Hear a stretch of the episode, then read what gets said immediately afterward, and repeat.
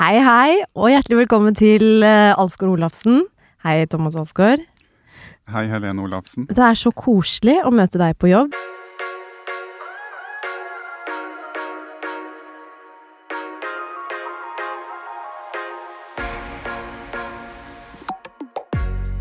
Men er det ikke så koselig, og vi har vært såpass mye sammen at vi kan slutte å titulere hverandre med etternavn? At vi, bli, vi kan bli Jo, vet du hva, det har jeg tenkt på. Det er veldig du rart at jeg kan... sier jeg Thomas Alsgaard hele tiden. Nå har vi kjent hverandre i altfor lang eh, tid til at Ja, det er vi skal enig bruke faktisk. fornavn og etternavn. ja, Jeg tror det handler om noe respekt eller noe. Uh, Respekt. ja, du er måte Du er jo en legende, ikke sant? Ja, nå må du ta deg Men sammen. sa- vil du, foretrekker du da Alsgaard eller, Ole? nei, eller, eller Thomas? Eller Olafsen. ja. Alsgaard eller Thomas? Mr. T? Nei, det skjer ikke, faktisk. Eh, vi har jo en, eh, fått en ny gjest i dag. Eh, og tradisjonen tro så har jeg da stilt gjesten spørsmålet hvilken teksttype er du, altså hvilken sjanger, Ikke Font. eh, ikke font, identifiserer du deg med. Eh, dagens gjest svarte poesi. Eh, det valgte jeg å tolke til dikt Ja. med enderim. Ja. Jeg begynte på dette diktet klokka kvart på tolv i natt. Ja, så gøy. Jeg har ikke lest gjennom i dag. Ja, men det kan være greit, for da slipper du å tenke, overtenke. Ja, Da kommer sant? det rett fra levra. Så jeg tenker at uh, av en eller annen grunn så havn, det ble på dialekt også. Fordi dagens gjest har dialekt. Uh, så det er lov å le, men uh, ikke noe svartmaling her. Jeg gjør så godt jeg kan. Ever catch yourself eating the same flavorless dinner three days in a row? Dreaming of something better? Well, HelloFresh is your guilt free dream come true, baby. It's me, Gigi Palmer. Let's wake up those taste buds with hot, juicy pecan crusted chicken or garlic butter shrimp scampi. Mm. Hello Fresh. Stop dreaming of all the delicious possibilities and dig in at HelloFresh.com. Let's get this dinner party started.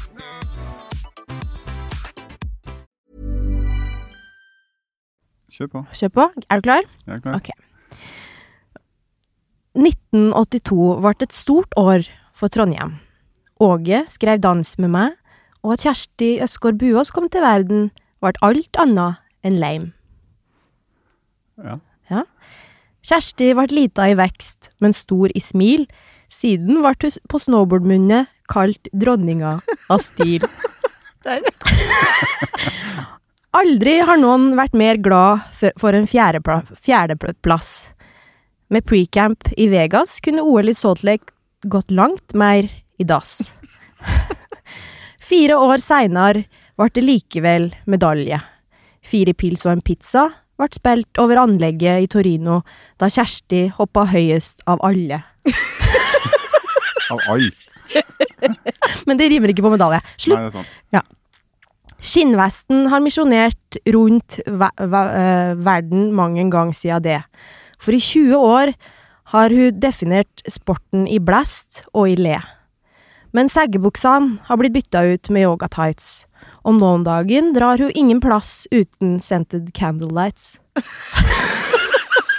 Fy fader. Det er sånn nivå. For det å være til stede i nå og i det neste er en gave hun har og vil gi til de fleste. Ja, den var fin. Takk. Eh, du kjenner jo nok igjen på de, uh, de skøyete reveøyene. de glitrer mer for hvert år, for alder har ikke nå på Kjerstis hjerne, latter og myke lår. Velkommen, Kjersti Buas. Ja, der ble i hvert fall jeg ganske avslappa. Ja, Kjenner jeg det var et veldig fint åpningsdikt. viktig å ikke liksom legge nivået for høyt. Var, var det dette du tenkte på når du identifiserte deg med dikt? Ja. Ja. jeg syns jeg du naila. Du syns det med lårene. Myke lår. Du har veldig myke lår. Du Har er jeg? veldig ja, er ikke kanskje sånn å ta på, det vet jeg ikke. Det jeg tenkte mer sånn uh, Du er veldig du da? Ja. myk. Ja, du er kattemyk. Du Ja, sånn, ja. lander som Altså, du har lår som en tiåring. Når du lander på snowboard, så liksom rumpa treffer snøen. Ah, ja. Eh, Så sånne er myke lårene, mener du? Nei, det er et kompliment. Å ja, det er kompliment, ja. Ja, du sto Å, ja. stomper landingene, Thomas. Og stompa Er vi allerede på sånne, sånne nerdeuttrykk fra snowboardmiljøet? Stompe. Stompe, det er å markere landinga, ikke sant. Mm. Det er litt sånn Er ikke det en del av kulturen at det er sånn, skal være litt annet språk og skal være litt sånn som ikke vi eh, streite skigærninger Sporten seriøse, er eh, fra USA, vet du. Så Altså, derfor så er må det dere ha amerikanske ord. Ja, men Det er ikke for å være kul, det er bare for det være ja, hva skal man kalle det på norsk, da? Markere landingene? Ja, landing med integritet. Ja, det høres ikke så bra Integritet. Integritetslanding. Du, hva heter det der språkshowet eh, på NRK? Linda Eides språkshow. Ja, det er ikke sikkert du får lov å bli gjest der. Men det var et bra forsøk. Men Det- hvem, hvem av dere to er best, egentlig? Bare helt Meg og Helene. Vi har jo drevet i helt forskjellige grener, da. Nei, men det er same shit, da. Hvem av dere er best? Eh, Kjersti. Nei, det spørs hva vi skal gjøre. Hvis vi skal kjøre om kapp, er Helene best. Ja. Hvis vi skal Kjøre pipe pipe eller bigger, Hvis vi skal da er pipe, Kjersti så er jeg bedre, men bigger så tror jeg vi kunne ha kniva litt. Ja, kanskje. Det var jo Helene som lærte meg switchbacks at 5. Et vanskelig triks som hun hadde funnet og nerda på. Og sånn skal du gjøre det! Men husker du det? Det husker jeg fortsatt. Ja. Den derre følelsen Hun hadde eh, liksom knekt koden, da. Så kom hun og delte det med oss andre, da. Så det er jo sånn Helene er. Hun er veldig hyggelig. Ja, det er veldig hyggelig. Men Kjersti, det er veldig stas å ha deg her. Eh, vi har reist masse sammen. eh, Back in the days. Det begynner å bli en stund siden jeg la men du har liksom vært i snowboardverdenen lenge før meg, og lenge etter meg. Du er Jeg pleier å si, si at du liksom er vår Marit Bjørgen. Ja, trønder der òg. ja. Eh, fordi at eh, du har har vært liksom Du er liksom mor snowboard. Eh, ikke at du er gammel. Det var jo sånn Ja, men det går bra. Thomas er Thomas er enda eldre. Jeg er jo ti år eldre igjen En nå, En 40- og en 50-åring. Ja. ja, ikke sant? jeg Men- syns du er veldig ung, jeg. Takk. Jeg syns du er veldig ung òg. Takk. Fortsett, Helene. Men eh, Kjersti, du har alltid vært veldig sånn eh, god eh, å ha på laget, for du har tatt veldig vare på alle oss som har kommet inn, og du har vært veldig viktig for den kulturen da, som har vært på snowboardlandslaget. Og da er derfor jeg også syns det er så spennende å snakke med deg om disse tingene vi skal snakke om i dag. Mm. Fordi at det er egentlig ikke sånne ting vi egentlig har snakket om i dybden sånn ordentlig eh, sammen før. Um, og det jeg tenkte å starte med, var fordi du har, eh, selv om du er gammel Må bare finne seg i det. Altså, jeg eh, Nå snakker hun for seg sjøl. så har du alltid vært ekstremt leiken. Mm. Eh, veldig sånn leken tilnærming til eh, livet. Og det er, alle snowboardere sier det, vi skal bare ut og leke og kose oss og sånn, men det er ikke alle som eh, gjør det fra hjertet. Men du gjør det. Eh, hvor bevisst er du den innstillingen til alt i livet? Eh, I de siste eller senere årene så jeg, har jeg vært veldig bevisst det. Fordi da har jeg begynt å liksom gå mer inn i hva det er for noe. Eh, men fram til liksom ja 25 så bare var jeg jo leka meg. Eh, og det kom liksom naturlig for meg. Og så begynte jeg å bli sånn Hva er egentlig det med leiken? Vi snakker masse om det. I snowboard er det sånn en del av filosofien og kulturen. Eh, men hva egentlig er det som gjør at eh, vi kan si det? Så jeg drev liksom og nerda på det, da. Fant ut hvordan jeg kunne formidle det til andre. Ja, hva har du funnet ut? Nei, Først og fremst har jeg funnet ut at leik er noe naturlig for mennesket. Eh, alle mennesker eh, leker jo seg når de er små. Ja. Og så blir vi større, og så kanskje vi glemmer av det, og så slutter vi. Ehm, og jeg tror at hvis vi Vi må kanskje, når vi blir eldre, så må vi kanskje mane det fram litt mer. Vi må kanskje bevisst gå inn litt mer og en, altså, være litt i andre typer bevegelsesmønster enn vi vil gjøre hvis vi ikke tenker på det. Kanskje vi går samme vei til jobb hver dag, da, hvis vi ikke tenker over det. Ja. Så det å liksom være bevisst der og tenke at greit, jeg tar en annen vei i dag, jeg går baklengs, eller hopper rundt i ring når jeg springer, eller hva det nå som er, da. Det kan være sånne småting. Men leik trenger jo ikke bare være ting du gjør, det kan jo også være en mental holdning. Eh, og det er jo der jeg syns det er utrolig spennende å gå mer på innsida, da. Gå litt inn i, inn i hjernen og hva som skjer i hjernen, og hvordan det med leik henger veldig sammen med det, det å være til stede. Ja.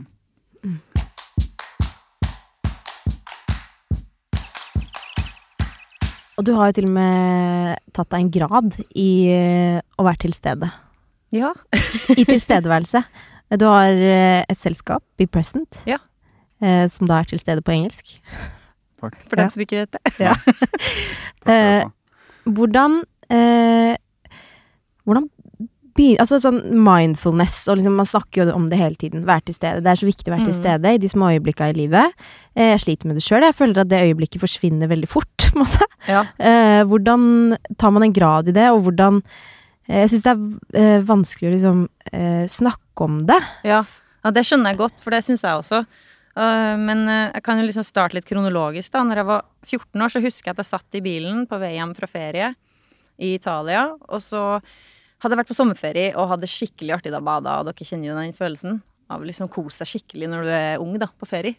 Og det er det Og du vil jo aldri at det skal være ferdig. Nei. Så satt jeg i bilen på vei hjem, og så var det liksom regn da på veien til Trondheim. Sånn typisk sånn, så kom Kirsti Sparbo på radioen med en sommer er over, og pappa huffa litt og sa åh, ja, nå er sommeren over. Så satt jeg bak her og tenkte jeg, må liksom den der, må sommeren være over? Eller må den der feriefølelsen være over? Og hva er egentlig den feriefølelsen? Det er jo den der følelsen av å være til stede. Kan jeg fortsette å ha med den inn i liksom hverdagen selv om jeg ikke er på ferie og bader? Mm. Det tenkte jeg da. Du var 14 år. Ja. Og det er litt spesielt å tenke da. Ja. Men jeg gjorde jo ikke så mye mer med det enn å bare tenke litt på det. Og så Mm. la jeg det på en måte bort og fortsatte å være 14. og så uh, dykka jeg jo dypere inn i det, da. eh, når vi, jeg husker jo vi var på tur sammen uh, når vi begynte å bruke litt meditasjon. Mm. Eh, vi hørte jo på han Deepak Chopra. Husker du det? Det husker jeg godt. godt. Ja. Ja. Holder ikke han på enda? Jo, jo. Ja. Han er jo guru. Så, er guru. så da brukte vi litt sånn guida eh, meditasjon med han, da. Men det jeg lurer på, er sånn, hvordan havner du der? Fordi det for meg, og for sikkert også en del andre nordmenn, på en måte, eh, er jo blir, blir, blir fort veldig sånn uh, out there igjen. Det blir veldig alternativt. Ja. Ja, nei, det skal jeg fortelle deg. Det begynte jo egentlig litt mer med det med yoga først. Mm -hmm. der Første gangen jeg gjorde yoga, var i Chile. Og da var det noen som pusta veldig høyt inn i rommet. Og jeg og Lisa Vik da, vi var jo på denne yogatimen, og vi bare Hva er det her for noe? Det her er jo helt snålt. Han pusta jo så høyt, og det var masse svette inn i rommet, og vi bare Nei, det her skal jeg aldri være med på. Så det var mest i stedet i hans pust. Ja. Og så øh, var det noen som Ja, det var vel Jamie Anderson og det crewet der i USA, da. Du husker jo de jentene der. Mm. Da, da begynte vi å Da begynte dem å gjøre yoga, og så tenkte jeg sånn Ja, men der er yoga igjen. Det, det var litt sånn hippiebølge der en periode, men det, Ja. jeg syns jo det var litt sånn vanskelig å teppe inn i, fordi det var det var veldig kort vei fra å liksom begynne å gjøre yoga til å klemme trær før start. Ja. Ja, men der tror Der tror jeg liksom Amerikanere er jo ofte litt mer sånn eh, ekstreme i ting, da. Ja. Og gjør litt mer ut av ting. Men der tror jeg liksom min eh, fordel var at jeg bare alltid har vært veldig åpen for ting som folk gjør, da. Så jeg prøver bare å Ja, greit, hun klemmer trær, det er sikkert kult. Og så prøver jeg ikke å dømme opplevelsen, så bare gjør jeg det med dem og prøver det. Så samme det. Men jeg husker at de sa sånn Hører du at treet snakker? Så tenkte jeg sånn Nei, det gjør jeg jo ikke. Men samme det. Da roer jeg meg i hvert fall ned, for det er jo et tre, og jeg skal ut og kjøre et rønn, og det er digg å bli roa ned. Og så eh, lærte jeg jo etter hvert at pusten eh, kunne være med på å roe meg ned i tillegg til det her, da. Eh, men tilbake til det med yoga. Pust er jo veldig eh, essensielt i yoga. Så gjennom det å gå på yogatimer, så lærte jeg det at ok, hvis jeg bruker pusten på en sånn her måte, og, og kombinerer det litt inn i bevegelse, så kan jeg komme inn i en veldig sånn god tilstand mentalt, da. Og også fysisk. Eh, og da begynte jeg å trekke litt tråder til de der eh, tankene jeg hadde når jeg var 14, og tenkte på tilstedeværelse. eh, og liksom det å være virkelig der kropp og sinn er, da. Så begynte jeg å kjenne igjen det. Og så knytta jeg det inn i snowboard når jeg var ute i bakken, og så kjente jeg igjen den der gode følelsen. Ja. Men vil du si at det handler egentlig om å lære seg Altså tilstedeværelse handler om å lære seg å manipulere hodet litt til å alltid være på ferie? ja, der Ja. bruker du en av mine, et av mine favoritt... eh, Eller mine favorittmåter å beskrive det på. Enkelte, for enkelte så vil jo da familie og samvær være viktig for å få den følelsen. Ja. Men når jeg oppdaga at jeg på en måte kunne skape den følelsen sjøl, når jeg sjøl ønsker det, Ja. så gikk det opp et lys for meg. Fordi det er jo mange ganger, som Helene nevnte, at tilstedeværelse kanskje er litt sånn derre Ja, plutselig skjer det, og så er det bort. Men, men eh, jeg oppdaga jo at ja, trenger det å være bort, eller kan jeg bare hente inn igjen? Og det går an. Og det, er det jeg syns er så fint med verktøyet meditasjon da, og pust, det er jo det at du kan skape den følelsen når du vil. Er det så Ja. Det var veldig spennende. Nå var dere veldig Ja. nysgjerrige Ja. Ja. Det var fint. Du, du har snakka så mye nå, Helene. Ja, det er greit. Jeg tar den, faktisk. Syns, eh, Er pusten eh, et viktig verktøy som du sa, i meditasjon? Ja, det er en av eh, liksom hovedteknikkene, eller det fins jo mange former for meditasjon. Ja. Eh, det, det, og det var igjen noe av det som var kult for meg, var at jeg lærte fra en Jeg havna på en sånn festival et sted, og så var det masse meditasjon der som du kunne gå på. ja. Og da hadde jeg jo ikke peiling annet enn fra yoga. Fordi i yoga får du litt intro til meditasjon. Ja. Og så gikk jeg på den festivalen, og så var det en fyr som var veldig flink å forklare det. Ja. Som var fra Australia, ganske ung fyr. Så forklarte han liksom det fins utrolig mange måter å bruke meditasjon på. Det fins denne teknikken, den her, og sant. Noen bruker pusten, noen bruker visualisering. Så skjønte jeg oi, jeg har jo brukt visualisering i idretten sjøl gjennom Olympiatoppen når jeg skada meg til Torino-OL. Er det meditasjon? Og da bare gikk det opp så mange lys da, på en gang. Jeg bare, ok, Hvis det er meditasjon, da liker jeg jo meditasjon. Fordi jeg hadde jo lært i Torino at selv med når jeg hadde brekt foten før jeg skulle kjøre Torino, så kunne jeg ikke kjøre snowboard. Da satt jeg jo hjemme og visualiserte rønnet mitt om og om og om igjen. Og hvis jeg ikke hadde gjort det, så hadde jeg jo sikkert ikke prestert på like høyt nivå.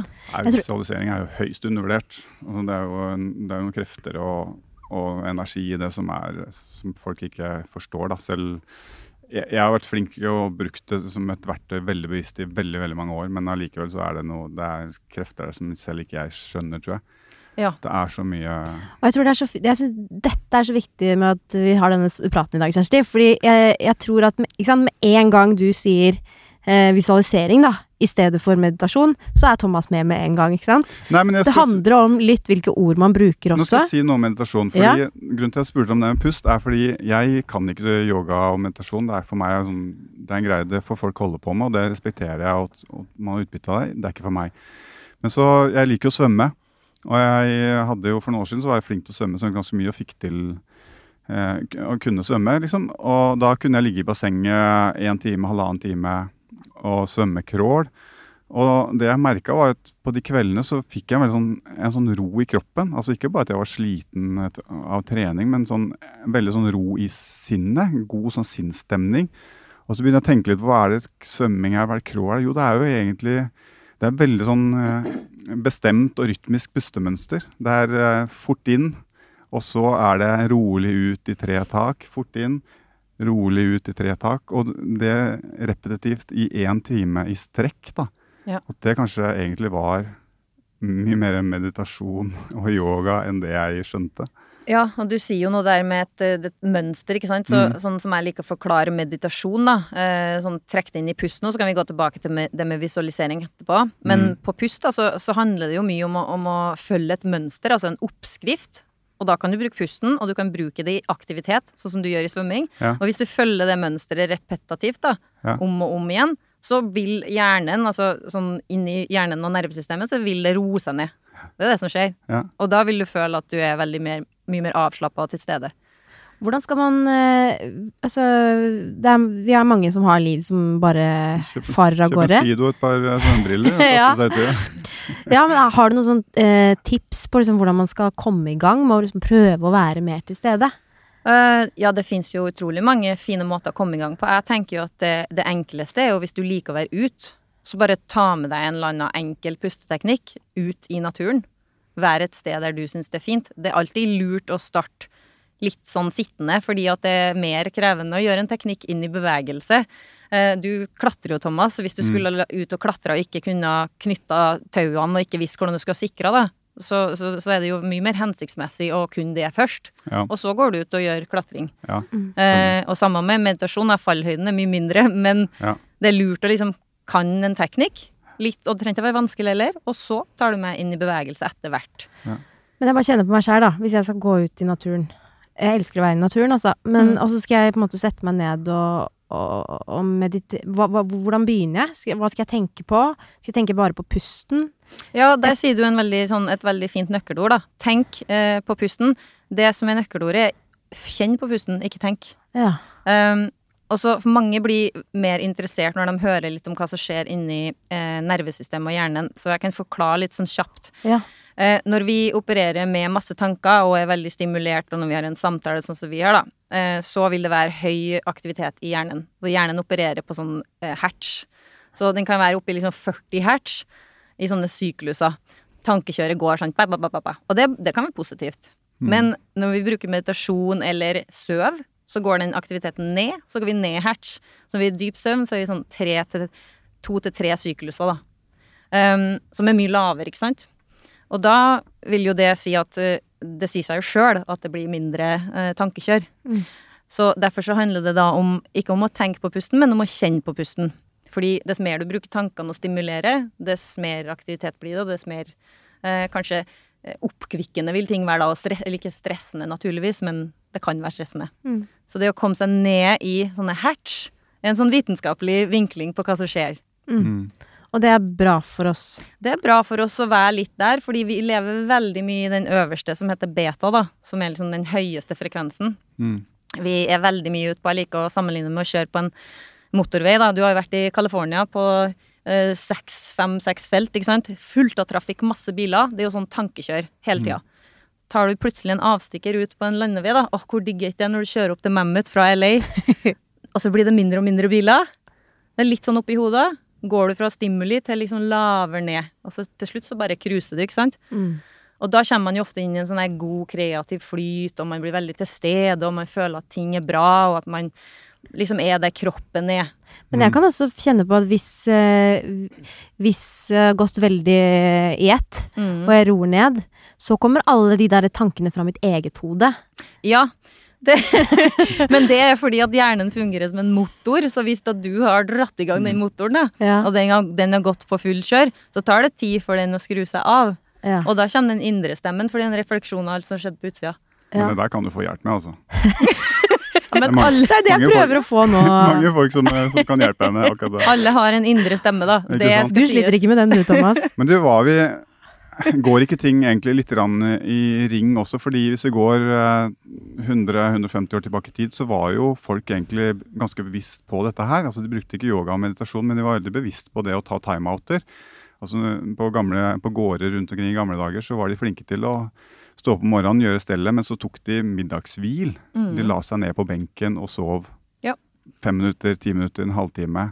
Og så opp igjen, og så fortsette men i dag skal vi være så forbaska effektive hele tiden at vi har ikke tid til å stoppe opp ett minutt engang. Ja. Og lukke øya og samle tankene og få energi igjen. Ja, så vi har jo liksom, Dette ligger jo i oss, det ligger jo i menneskene fra gammelt av.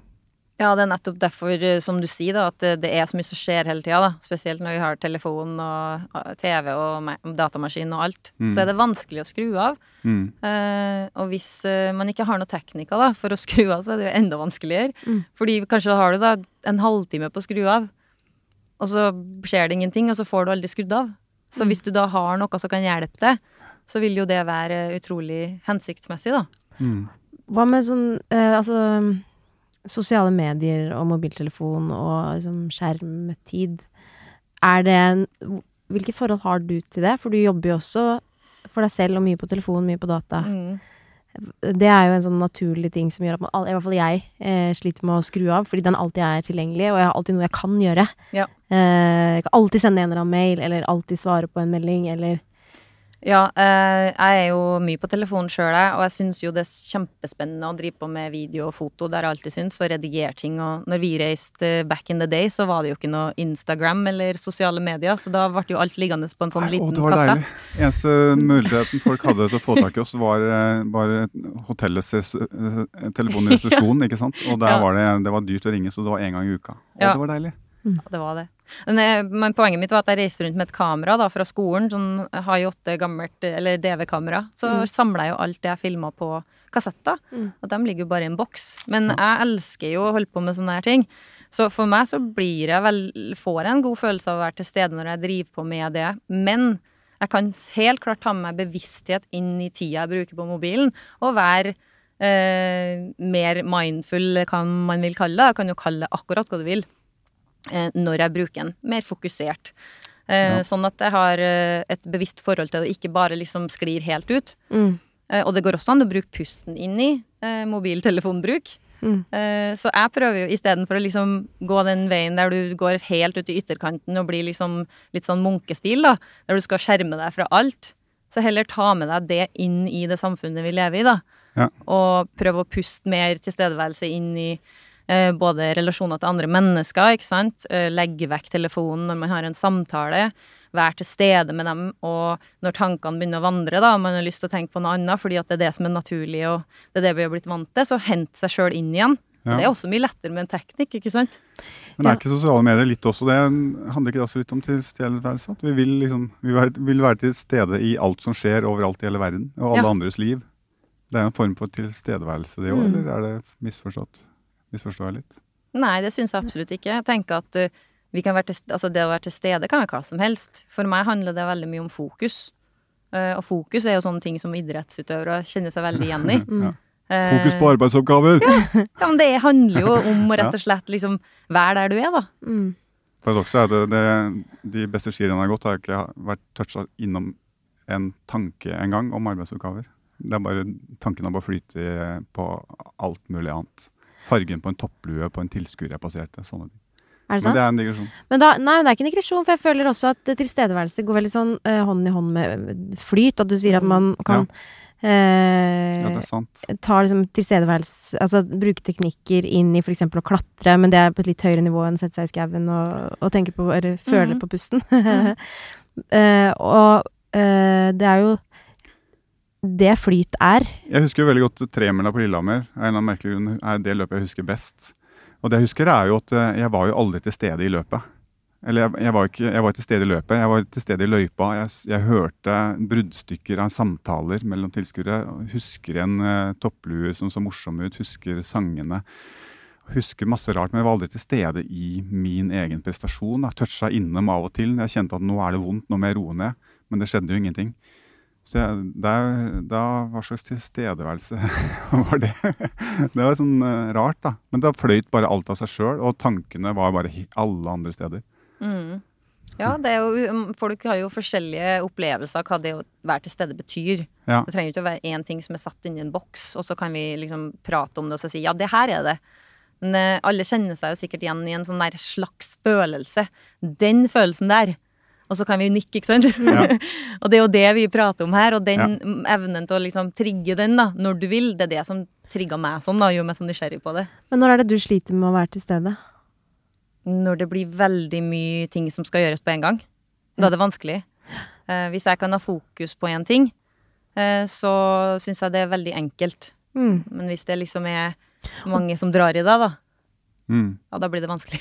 Det kjenner jeg meg veldig igjen i. For jeg føler sånn hvis man jobber, hvis man har, jobber med én ting, så har man nesten sånn ubegrensa med kapasitet. Men med en gang man skal drive og sjøfle på ting, multitaske, ha forskjellige prosjekter gående, at man på en måte må vri mindsettet fra det ene til det andre, så blir det veldig mye mer krevende med en gang. Ja. Og det er mange flere baller som er løse oppi hodet. Eh, ja. Jeg kjenner jo av og til kanskje litt motsatt. Når jeg har bare én ting, så da er det så mye tid og rom for at tankene kan bare vandre andre retninger. Men hvis jeg har flere ting, så er jeg nødt til å holde fokus. Og særlig hvis jeg, hvis jeg skal gjøre papirarbeid, som jeg får utslett av, bare jeg tenker på tanken.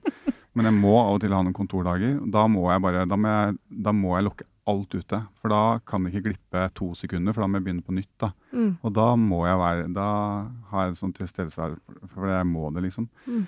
Men hvis jeg gjør en enkel, vanlig oppgave, så da vandrer tankene bare Da forsvinner Da plutselig sitter jeg og drømmer om noe helt annet. Ja, ja det spørs jo helt hva det er, som du Ja. sier. Hvis det er noe man syns er artig i utgangspunktet, Ja, så er det det jo mye lettere, da. For Ja. da kommer du jo helt inn i det. Sånn som for snowboard for oss er jo Ja. det.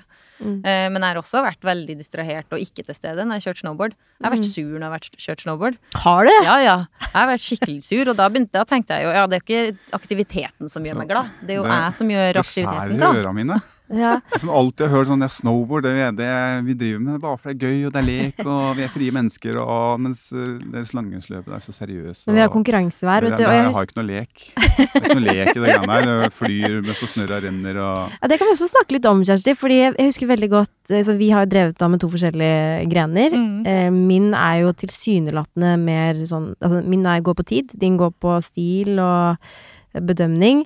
Eh, og eh, min idrett, eller min gren, kan nok oppleves litt mer sånn competitive, fordi at vi tross alt reiser mot hverandre. Um, jeg når, når jeg sitter her, så gjør det ikke det. Nei, da, Nå kaller vi en spade en spade her. ja, For vi har alltid blitt mobba for at vi er så inn i granskauen streite og kjedelige og seriøse. ja, der er Hvis dere ordet. leker. Og så tenker jeg, hva er lek? For jeg har jo ikke tenkt på noe annet eh, i mitt liv men jeg har jo storkost meg, og jeg gjør det fortsatt. Men det må ikke være hopp og sprett og tjo og og seggebukser og store luer. Og nå hørtes du gammel ut, ass. Herregud! Så det må ikke være seggebukser, nei, må ikke det. Men jeg vet i hvert fall at du har vært veldig sånn bevisst på det ordet eh, seriøst. Mm. At eh, det må ikke være så seriøst. Ja, men noen liker jo at det er seriøst. Noen, Noen liker elsker at det er jo og vil jo ha det seriøst. Vi må ta vare på de òg. Og dere må huske at for at snowboard i gamle dager, da, jeg er veldig sånn fordomsfull og gammel nå, men da var det sånn, skulle ha tid, da skulle ha fest og moro og sånn, men husk på at eh, det, er, det er enormt mye større drikke, eller press rundt drikking og festing enn det er rundt det å være seriøs. Tenk deg hvor mange som den gangen kanskje ikke hadde lyst til å være med på den festinga. da. Hadde lyst til å trene og hadde lyst til å bli bedre, men, men de turte ikke. Fordi det var så press. Det skulle, det skulle være gøy, og livet skulle være fest og moro. Men her gjør du samme feil tilbake som du anklager oss for, fordi Ja, ja. vi mener jo ikke at uh, at lek er fest og fyll. Uh, og jeg også skulle si det at uh, altså jeg likte jo å være seriøs, men jeg tror det var noe med det derre alvorligheten som kanskje er mer dekkende ord, eller? Ja, jeg har tenkt mye på det der, fordi på engelsk så sier de jo 'sincere'. Så når jeg har lært det, så tenkte jeg sånn Greit, det er litt lettere. Hva er det på norsk? Så har jeg søka litt rundt, da. Det er helhjerta. Mm. Og når jeg fant det ordet, så tenkte jeg bare ja, der traff jeg. Fordi Ja, det det å være i hjertet Ja. når du kjører, eller når du går på Ja. ski, Da, da spiller ikke noen rolle hva du gjør. nei, og da kan du ha fokus og være seriøs. Altså, så, fordi seriøs er jo ofte fokus. Ja, men det kan være, Du kan sitte på regnskapskontoret Ja, og elske det. Nettopp. Og så har du hjertet Ja. og helhjerta, og så har du fokus. Ja. Så er du til stede, og så har du knytta hele suppa sammen. Ikke sant? Og det er så fint. Ja. Fordi det handler jo mest om det at ok, hvis du blir veldig seriøs, så blir du ikke leiken. Mm. Sant? Og det er jo der jeg, vi drev og liksom utfordra det ordet. Mm. Ja, for Ja, hvis det for, tanken er hvis det blir for alvorlig, Ja.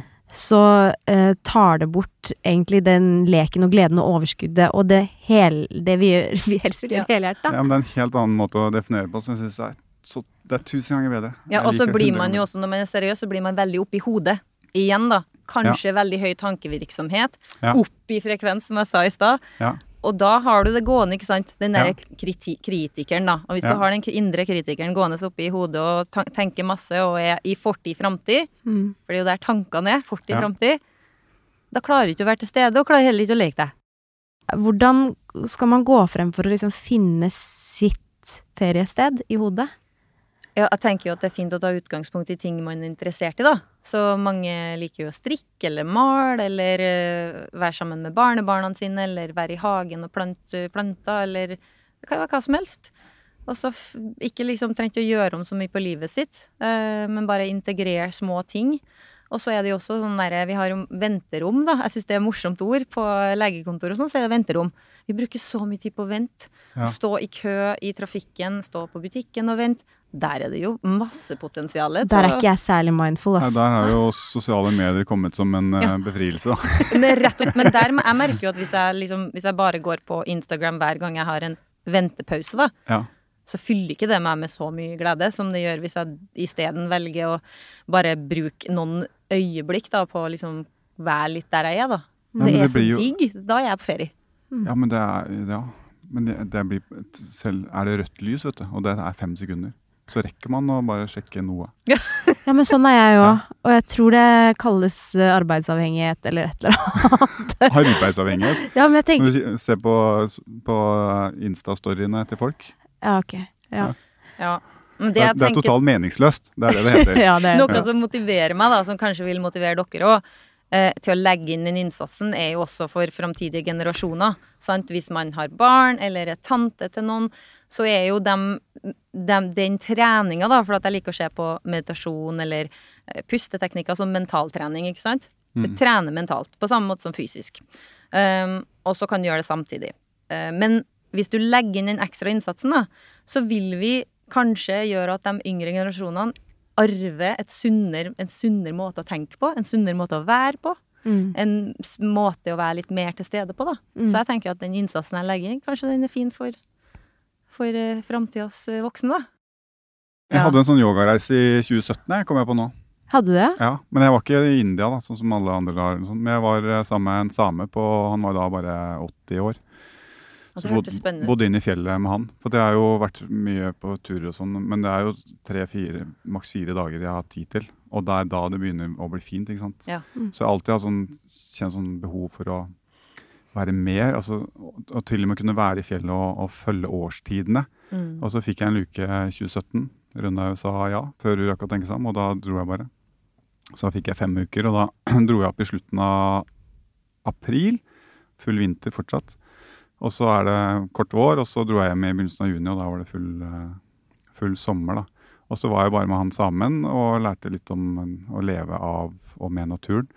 Men det som jeg merka, var Det tok liksom Jeg skrev dagbok, ganske utfyllende dagbok hver dag, og det tok ganske nøyaktig 10-11 dager før liksom kroppen Da skjedde en markant skifte, da, og alt bare senka seg ned, da. Mm. Og da var plutselig morgenkaffen eh, i hytteveggen tok to timer, og plutselig så sitter du der og så hører du lyden av første flua som kommer. Mm.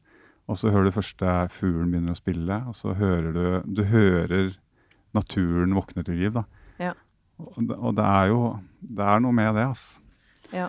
Det er en utrolig sånn eh, Ja, det er en tilstedeværelse, det vil jeg absolutt påstå, da. Helt klart. Men så kommer man jo hjem igjen, da, og da er det jo vanskelig. For da, da kommer det godstoget som heter hverdagen. Ja. Det er utfordringen. ja, det er jo der jeg tenker at liksom, i hvert fall sjøl, så har jeg erfart at med en haug ulike teknikker, da, akkurat det samme som at jeg kan, for å være i fysisk form, så kan jeg velge en aktivitet. Jeg kan springe, jeg kan kjøre snowboard, jeg kan gå på ski, jeg kan Mm. gjøre styrketrening, sant. Kan velge masse forskjellig, så kan jeg velge masse forskjellige teknikker innenfor mindfulness, meditasjon, pust, eh, fokustrening. Og så Mm. kan jeg liksom enklere da komme inn i den so tilstanden som du prater om at tok elleve dager. Mm. Kan på en måte trigge den litt før, da. Og så kan jeg også ta den inn lettere inn i det her kaoset vi lever i. Kan vi prøve nå? Ja. For nå tenker jeg sånn eh, Dere som hører på oss nå, dere er sikkert midt i hverdagen. Kanskje dere kjører bil, kanskje dere vasker huset, kanskje eh, har fått litt fri fra unger eller et eller annet. Eh, står sikkert oppe og gjør et eller annet annet samtidig, vil jeg tro. Mm. Kan vi prøve å gjøre Ja. en Ja, Vil gjøre noe kort, da. Vi vil ikke bare være i bakgrunnen. Vil gjøre noe kort, da. Kanskje sånn at det Ja, kan være eh, prøve en eh, liten inngangspusteteknikk, kanskje? Ja, det er jo det enkleste, da. Sånn litt bakgrunn om det her er jo nesepust. Det har dere kanskje hørt om før. Eh, Det er litt snakk om det nå, at folk begynner å bli mer observant på Eller mer, eh, har mer kunnskap om at ja, nesepust er faktisk bra å gjøre. Grunnen til det er for at nervesystemet vårt fungerer på en måte sånn at det er enten eh, det vi kaller stressrespons eller avslapping. Mm -hmm. det trenger ikke å være superekstremt en eller annen retning, men det hele tida går veksler mellom det her, da. Parasympatisk og sympatisk. Eh, med bruk av pusten, og da nesepust, så kan du bruke pusten som en bryter til å switche fra stressrespons til avslapping sånn. Og det er det som er så kult, og det er det vi skal gjøre nå, da. Kult. Med nesen. Så vi skal puste inn gjennom nesen Ja. og ut gjennom nesen. Mhm. Og det er hele greia. Men det er mye vanskeligere enn det høres ut som. Og eh, samtidig så er det veldig enkelt. Mm. Eh, ikke tenk på pusten, men kjenn på pusten. Det er nøkkelordet, da. Mhm. Og så er det hver gang man mister eh, oppmerksomheten, for det er jo fokustrening, det her. ikke sant? Det kjenner jo dere til fra idrett. Å ha fokus er vanskelig. Når du mister fokus, da er, er hele greia å hente seg uanstrengt tilbake. Uten tvang. Akkurat samme som like lett som du mista fokus, så henter du fokus. Mm. Så vi prøver bare ja, et par eh, øyeblikk. Skal man lukke øynene? Det kan du velge sjøl. Det er enklere å lukke øynene, fordi da er det lettere å ha fokus. Det Ja. vet jo du òg. Hvis du skal droppe inn til et bålcrossrun, så er det noen ganger du har lukka øynene først. Helt å liksom sikkert. komme i sonen. Det har du sikkert gjort òg, før noe lukker Ja, øynene, hvis jeg skulle inn i en halfpipe, så hadde jeg øynene Ja, da hadde du lukka øynene. Litt annet, det. Nei, men poenget er altså, kom litt i sonen, da, og Ja. få til det man skal gjøre. Okay. Uh, bare lukke øynene, og så kan dere bare ha hendene i fanget, akkurat sånn som dere sitter. Det er ikke så viktig. Mhm. Så bare bruk et par øyeblikk på å la pusten bare være helt vanlig, men ha litt fokus på den. Bare kjenn hvordan pusten helt naturlig senker og reiser seg i brystet. Og så slapp av i kjeven, det er veldig viktig. Når du først blir bevisst på det med kjeven, så merker man kanskje hvor mye motstand eller eh, ting man holder i kjeven, da. Slapp av i panna. Slapp av i skuldrene. Så kan du føre fokus til punktet rett under nesen. Så kjenner du på lufta som går inn gjennom nesa. Og ut. Trekker lufta inn gjennom nesa. Og ut. Trekke lufta inn. Og ut. Og hvis du mister fokus og syns det er kleint eller ikke får til å være akkurat der du er, så bare flytter du oppmerksomheten rolig tilbake til punktet under nesen. Puste inn gjennom nesa. Og ut. To ganger til. Puste inn. Og ut. Puste inn. Og ut. Så kan du la øynene være lukka, og så bare slippe oppmerksomhet på pusten. Bare bruk et par øyeblikk på å kjenne litt på energien i kroppen, om det er hva som skjer på innsida. Og så kan du åpne øynene rolig når du er klar. Det er jo sikkert lurt. Det er jo utvilsomt lurt. Men, eh, men eh, det er så mye som er lurt i livet, men allikevel så dropper vi det. For det er enklere å bare gjøre det vi alltid gjør, er det ikke det? Hva er det man får Hva vil du si, Kjersti, at man eh, får ved å liksom sette av sånne Jeg vil si at du får sånne fine øyeblikk da, som du husker på slutten av dagen. Når, du legger deg, når dere legger dere i kveld, skal jeg vedde masse penger på. Hvor mye vet ikke jeg. Vedder ganske mye. På at dere kommer til å huske på akkurat det øyeblikket vi satt her og pusta. Det er snowboardstjerne, du har masse penger, er ikke? Jo da, det, vi får veldig godt betalt. Kjempe. Ja. Ja. Nei, men, ja, fordi det har jeg tenkt på litt i det siste eh, med korona, at eh, før så har liksom eh, Det jeg husker i livet, er jo gjerne ferier, eller liksom de litt sånn spesielle tingene eh, jeg har gjort. Mens nå, de siste to åra, så har det vært veldig mange like dager. Ja. Eh, og selv om jeg har liksom virkelig prøvd å være til stede eh, for liksom, som nybakt mamma og alt det der, så allikevel så, så, så er det en sånn masse. Det er Mm. veldig mange sånne blablabla, grå morsedager. Ja. eh, selv om jeg har hatt kjempemange fine øyeblikk innimellom, men de har kanskje ikke festa seg, da. Ja. Så kanskje dette er Ja, det er jo opp til hver enkelt å prøve, for alle er jo ulike, og alle vil ha ulik eh, oppfatning om det. Eh, I tillegg til at det liksom gir Skaper kanskje mer av den der hverdagsmagien, som jeg liker å kalle det. At man skaper litt mer sånn eh, helg hele uka. Eh, vil, I tillegg til det så er det også veldig positivt eh, for helsa, da, i form av at den stressmekanismen i kroppen, amygdulaen som ligger og lurer bak i hjernen, den eh, kan bli veldig sterk, den muskelen. Og når den blir veldig sterk, så tar den over, og så er man stressa hele tida. Hvis det her er liksom alt som trengs for å komme i gang og teste det litt og få litt erfaring, så er det jo ingen grunn til å ikke gi det en sjanse. Men kanskje over tid, da. Jeg har vel lest et eller annet sted at det, det å endre atferd tar liksom 30-60 dager før det sitter og Mm. er en på en måte automatisk eh, del av deg. da. Ja. Så man må gi det en sjanse over tid. Men eh, ja, Ja, hvorfor ikke skal- investere litt i trening av fokus fokus og hjernen også? ja, hvor lenge holdt du på? Ett minutt? Nå, ja. Ja, det Ja. var jo kanskje ett og et halvt, to minutter. Ja. Eh, og det som skjer, er jo at tida begynner å gå veldig fort når man kommer inn i det. Ja. Og det handler jo om eh, de der kretsløpene i hjernen som blir aktivert. Ja. Eh, så det er veldig mange sånn vitenskapelige svar på ting som skjer, da. Så det er Ja. ikke bare ut og kjøre i sånn alternativ verden. Så vi må ikke bruke en halv dag på å kjøre ut i skogen, finne seg en passende plass og sette seg ned og, og bruke en time. liksom. Vi begynner med det her. Ja. Så er det mer enn nok. Ja, og jeg er veldig opptatt av at vi sitter jo så mye allerede. Så det er ikke, jeg er ikke her for å liksom preike om at folk skal sitte enda mer. Jeg tenker jo at målet vil jo være å ta det med seg inn i et aktivt liv. Ja, Jeg syns det er kjempespennende. Hvordan, er, hvordan skal man, eh, hvis noen ble sånn trigga nå og kjente at dette her var faktisk ganske digg, dette trenger jeg, hvordan skal man uh, ta det videre? Nei, da, det finnes jo utrolig mange apper. Nå er ikke jeg en kjempefan av å bruke app på sånn her, for at jeg syns det er digg å ha litt frihet fra den der mobilen, og kun tingen sjøl. Ja.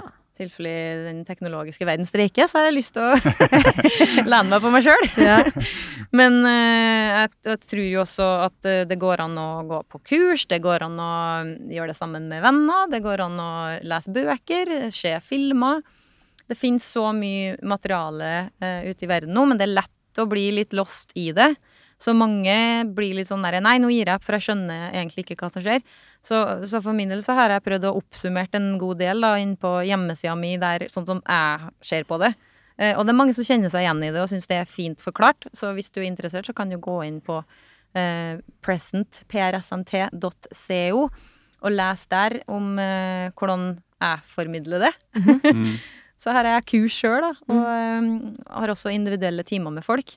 Og jeg prøver jo å si til folk at eh, jobb forebyggende eh, med fysisk helse, men også med mental helse. Eh, det er jo mange som trener fysisk som er i skikkelig god form.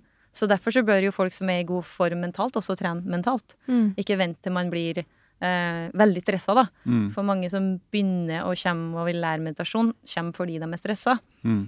Men forebyggende er selvfølgelig mye bedre. Mm. Eh, Men det er jo uansett om hvor stressa man er, så er det ikke så lang vei tilbake.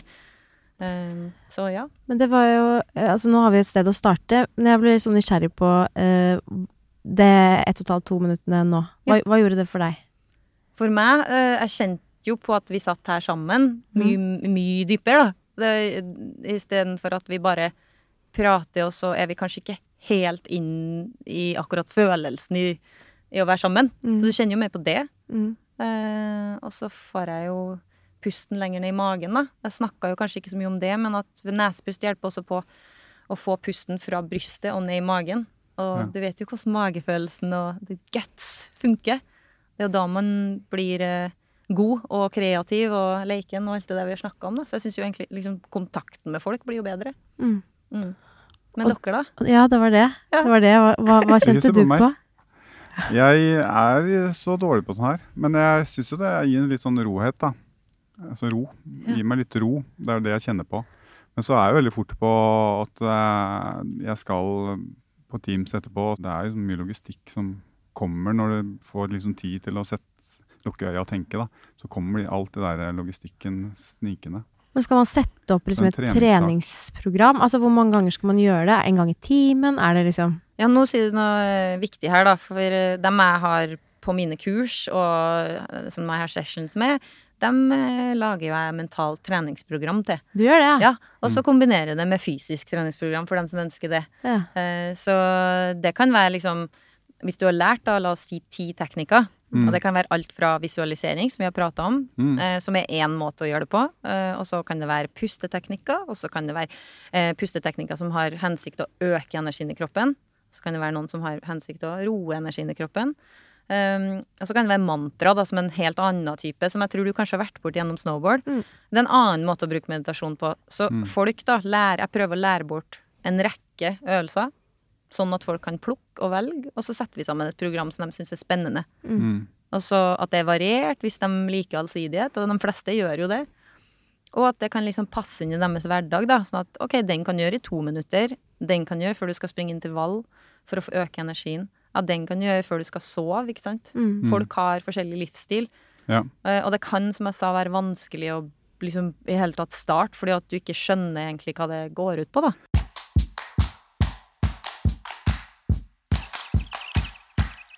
Du er jo veldig bevisst på mange ting, da, har jeg lagt merke til. Også mat, kosthold, ting i samfunnet.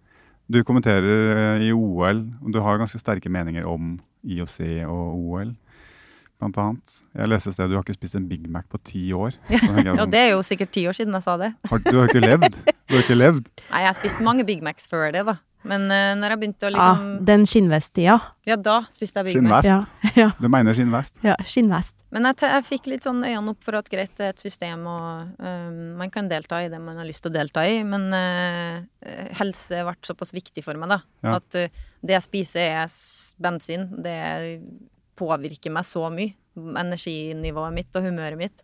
Ja. Og liksom helsa. Så hvorfor ikke liksom gjøre en innsats der, da. Mm. Så da tok jeg noen viktige grep for meg sjøl, og har jo prøvd liksom å pushe det til ytterpunktene for å sjekke hva det er for noe. Ja. Ikke fordi at jeg skal liksom være så ekstrem, men fordi at jeg syns jeg er nysgjerrig. Ja.